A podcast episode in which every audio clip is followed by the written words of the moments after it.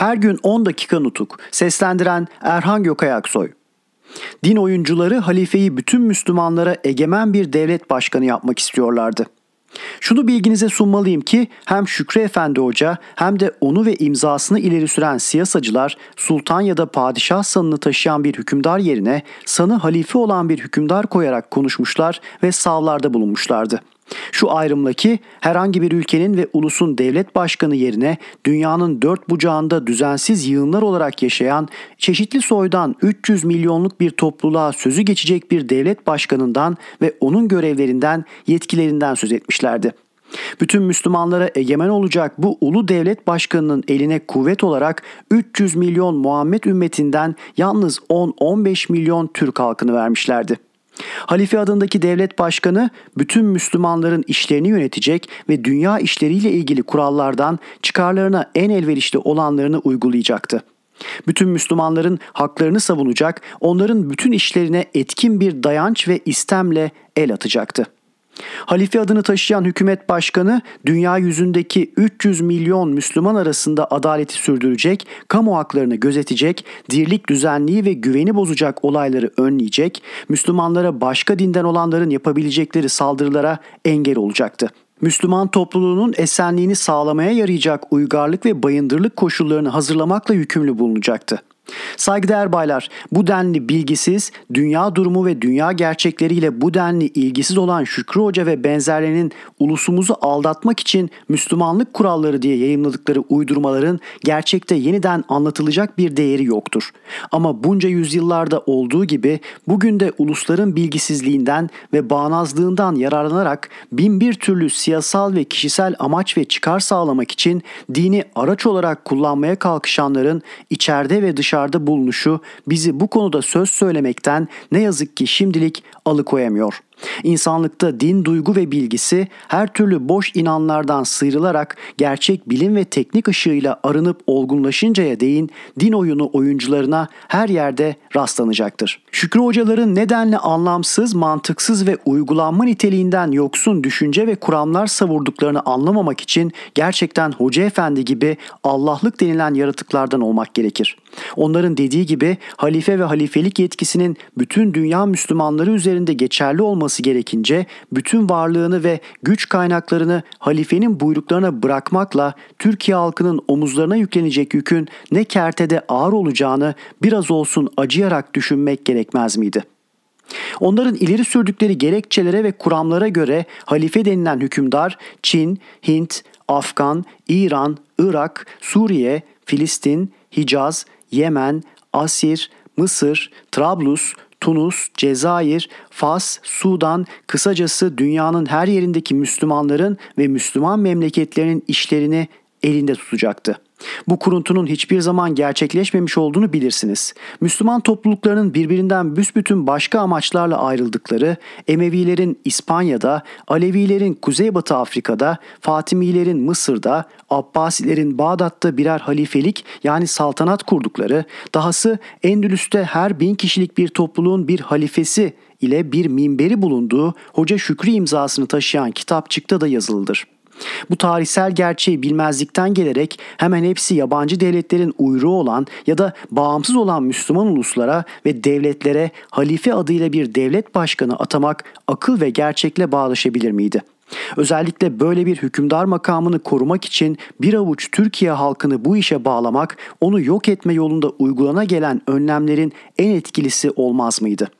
Halifenin görevi dinsel değildir. Halifeliğin temeli maddi güç ve egemenlik erkidir diyenlerin halifeliğin devlet, halifenin devlet başkanı olduğunu söyleyip tanıtladıkları amaçlarının da halife sanını taşıyan bir kişiyi Türkiye devletinin başına geçirmek olduğu kolaylıkla anlaşılabilirdi. Saygıdeğer baylar, Şükrü Hoca Efendi'nin ve siyasacı arkadaşlarının kendi siyasal amaçlarını açıktan açığa söylemeyip bunu bütün Müslümanlık dünyasına yaygınlaştırmak istemeleri, dinsel bir sorunmuş gibi söz konusu etmeleri, halifelik oyuncağının ortadan kaldırılmasını çabuklaştırmaktan başka bir sonuç vermemiştir. Halifelik konusunda halkın kuşku ve kaygılarını gidermek için yaptığım açıklama. Halifelik konusunda halkın kuşku ve kaygısını gidermek için her yerde gereği kadar konuştum ve açıklamalarda bulundum. Kesin olarak dedim ki ulusumuzun kurduğu yeni devletin alın yazısına, işlerine, bağımsızlığına, sanı ne olursa olsun hiç kimseyi karıştırmayız. Ulusun kendisi kurduğu devleti ve onun bağımsızlığını koruyor ve sonsuza dek koruyacaktır. Ulusa anlattım ki bütün Müslümanları içine alan bir devlet kurmak göreviyle yükümlüymüş gibi düşlenen bir halifenin görevini yapabilmesi için Türkiye devleti ve onun bir avuç insanı halifenin buyruğuna verilemez. Ulus bunu kabul edemez. Türkiye halkı bu denli büyük bir sorumluluğu, bu denli akıl almaz bir görevi üstüne alamaz.'' Ulusumuz yüzyıllarca bu boş görüşlere dayanılarak koşturuldu. Ama ne oldu? Her gittiği yerde milyonlarca insan bıraktı. Yemen çöllerinde kavrulup yok olan Anadolu çocuklarının sayısını biliyor musunuz dedim. Suriye'yi, Irak'ı korumak için, Mısır'da barınabilmek için, Afrika'da tutunabilmek için kaç insan şehit oldu? Bunu biliyor musunuz? Sonuç ne oldu görüyor musunuz dedim.'' Halifeye dünyaya meydan okutmak ve onu bütün Müslümanların işlerine etkili kılmak düşüncesinde olanlar bu görevi yalnız Anadolu halkından değil onun 8-10 katı insandan meydana gelen büyük Müslüman topluluklarından istemelidirler. Yeni Türkiye'nin ve yeni Türkiye halkının artık kendi yaşam ve mutluluğundan başka düşünecek bir şeyi yoktur. Başkalarına verilecek en küçük bir şeyi kalmamıştır dedim. Başka bir noktayı da halkın gözünde iyice canlandırmak için şunları söyledim. Tutalım ki Türkiye bir zaman için söz konusu görevi kabul etsin. Bütün Müslümanları bir noktada birleştirerek yönetmek ülküsüne yürüsün, başarı da sağlasın. Pek güzel ama uyruğumuz ve yönetimimiz altına almak istediğimiz uluslar bize büyük hizmetler ve yardımlar yaptınız. Sağ olunuz ama biz bağımsız kalmak istiyoruz. Bağımsızlığımıza ve egemenliğimize kimsenin karışmasını uygun görmeyiz. Biz kendi kendimizi yönetebiliriz derlerse ne olacak? Öyleyse Türkiye halkının bütün çalışmaları ve özverileri yalnız sağ olunuz denilmesi ve dua almak için mi göze alınacaktır? Görülüyordu ki boş bir istek için, bir kuruntu ve bir düş için Türkiye halkını yok etmek istiyorlardı. Halifeliğe ve halifeye görev ve yetki vermek düşüncesinin niteliği bundan başka bir şey değildi. Baylar halka sordum. Bir Müslüman devleti olan İran ya da Afganistan halifenin herhangi bir yetkisini tanır mı, tanıyabilir mi? Haklı olarak tanıyamaz. Çünkü böyle bir şey devletinin bağımsızlığını, ulusunun egemenliğini ortadan kaldırır. Ulusa şunu da öğütledim ki kendimizi dünyanın egemeni sanmak aymazlığı artık sürüp gitmemelidir. Dünyadaki gerçek yerimizi dünyanın durumunu tanımamak aymazlığıyla ve aymazlara uymakla ulusumuzu sürüklediğimiz yıkımlar yetişir.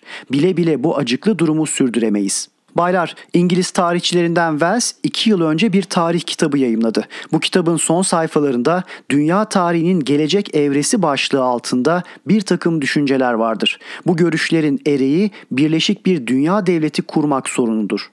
Wells bu bölümde birleşik bir dünya devletinin nasıl kurulabileceği ve böyle bir devletin önemli ayırıcı niteliklerinin neler olacağı üzerindeki düşüncelerini ortaya atıyor, adaletin ve tek bir yasanın buyruğu altında dünyamızın alacağı durumu canlandırmaya çalışıyor. Wells, bütün egemenlikler tek bir egemenlik içinde eritilmezse, milliyetlerin üstünde bir erk yaratılmazsa dünya yok olacaktır diyor ve şu düşünceleri ileri sürüyor. Gerçek devlet çağımız ileri yaşama koşullarının zorunlu kıldığı Birleşik Dünya Devleti'nden başka bir şey olamaz. Kuşku yoktur ki insanlar kendi yarattıkları şeylerin altında ezilmek istemezlerse er geç birleşmek zorunda kalacaklardır diyor. Ayrıca insanlığın dayanışmasıyla ilgili büyük düşün sonunda gerçekleşebilmesi için ne yapmak ve neyin önüne geçmek gerekeceğinin doğru olarak bilinmediğini, saldırgan bir dış siyasa geleneği olan devletleri bir dünya birleşik devletinin güçlüklerle temsil edilebileceğini ileri sürüyor. Wells'in şu düşüncelerini de burada anmak isterim. Avrupa ve Asya'nın uğradığı yıkımlar ve ortak gereksemeleri belki dünyanın bu iki parçasındaki ulusların bir ölçüde birleşmesine yarayacaktır. Olabilir ki dünya ölçüsünde bir birleşmeye gidilmeden önce bir sıra bölgesel birleşmeler yapılır. Baylar, bütün insanlığın görgü, bilgi ve düşünüşte yükselip olgunlaşması, Hristiyanlıktan, Müslümanlıktan, Budizm'den vazgeçerek yalınlaştırılmış ve herkes için anlaşılacak bir duruma getirilmiş, katkısız ve lekesiz bir dünya dininin kurulması ve insanların şimdiye değin kavgalar, pislikler, kaba istek ve iştahlar arasında bir aşağılık yerde yaşadıklarını kabul ederek bütün gövdeleri ve usları ağlayan yangı tohumlarını yenmeye karar vermesi gibi koşulların gerçekleşmesini gerektiren Birleşik Dünya Devleti kurma düşünün tatlı olduğunu yatsıyacak değiliz. Bu betimlemeye ve düşlemeye bir bakıma benzer bir düş hilafetçileri ve İslam Birliği yandaşlarını Türkiye'ye musallat olmamak koşuluyla sevindirmek için bizde de betimlenmişti. Betimleme şuydu.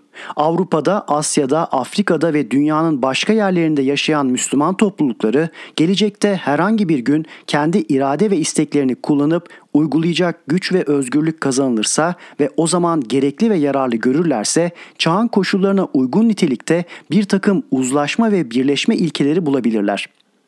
Elbette her devletin, her topluluğun birbirinden alacağı ve sağlayacağı şeyler bulunacaktır. Karşılıklı çıkarları olacaktır. Tasarlanan bu bağımsız Müslüman devletlerin yetkili delegeleri bir araya gelip bir kongre yapacaklar. Böylece falan falan falan Müslüman devletler arasında şu ya da bu ilişkiler kurulacaktır. Bu ortak ilişkileri korumak ve bu ilişkilerin gerektirdiği koşullar içinde birlikte iş görmeyi sağlamak için bütün Müslüman devletlerin delegelerinden bir meclis kurulacaktır. Bu meclisin başkanı Birleşmiş Müslüman Devletleri temsil edecektir derlerse işte o zaman isterlerse o Birleşik Müslüman Devletine halifelik ortak meclisin başkanlık makamına seçilecek kişiye de halife sanı verilir. Yoksa herhangi bir Müslüman devletin bir kişiye bütün Müslümanlık dünyası işlerini yönetip yürütme yetkisini vermesi us ve mantığın hiçbir zaman kabul edemeyeceği bir şeydir. Her gün 10 dakika nutuk. Seslendiren Erhan Gökayaksoy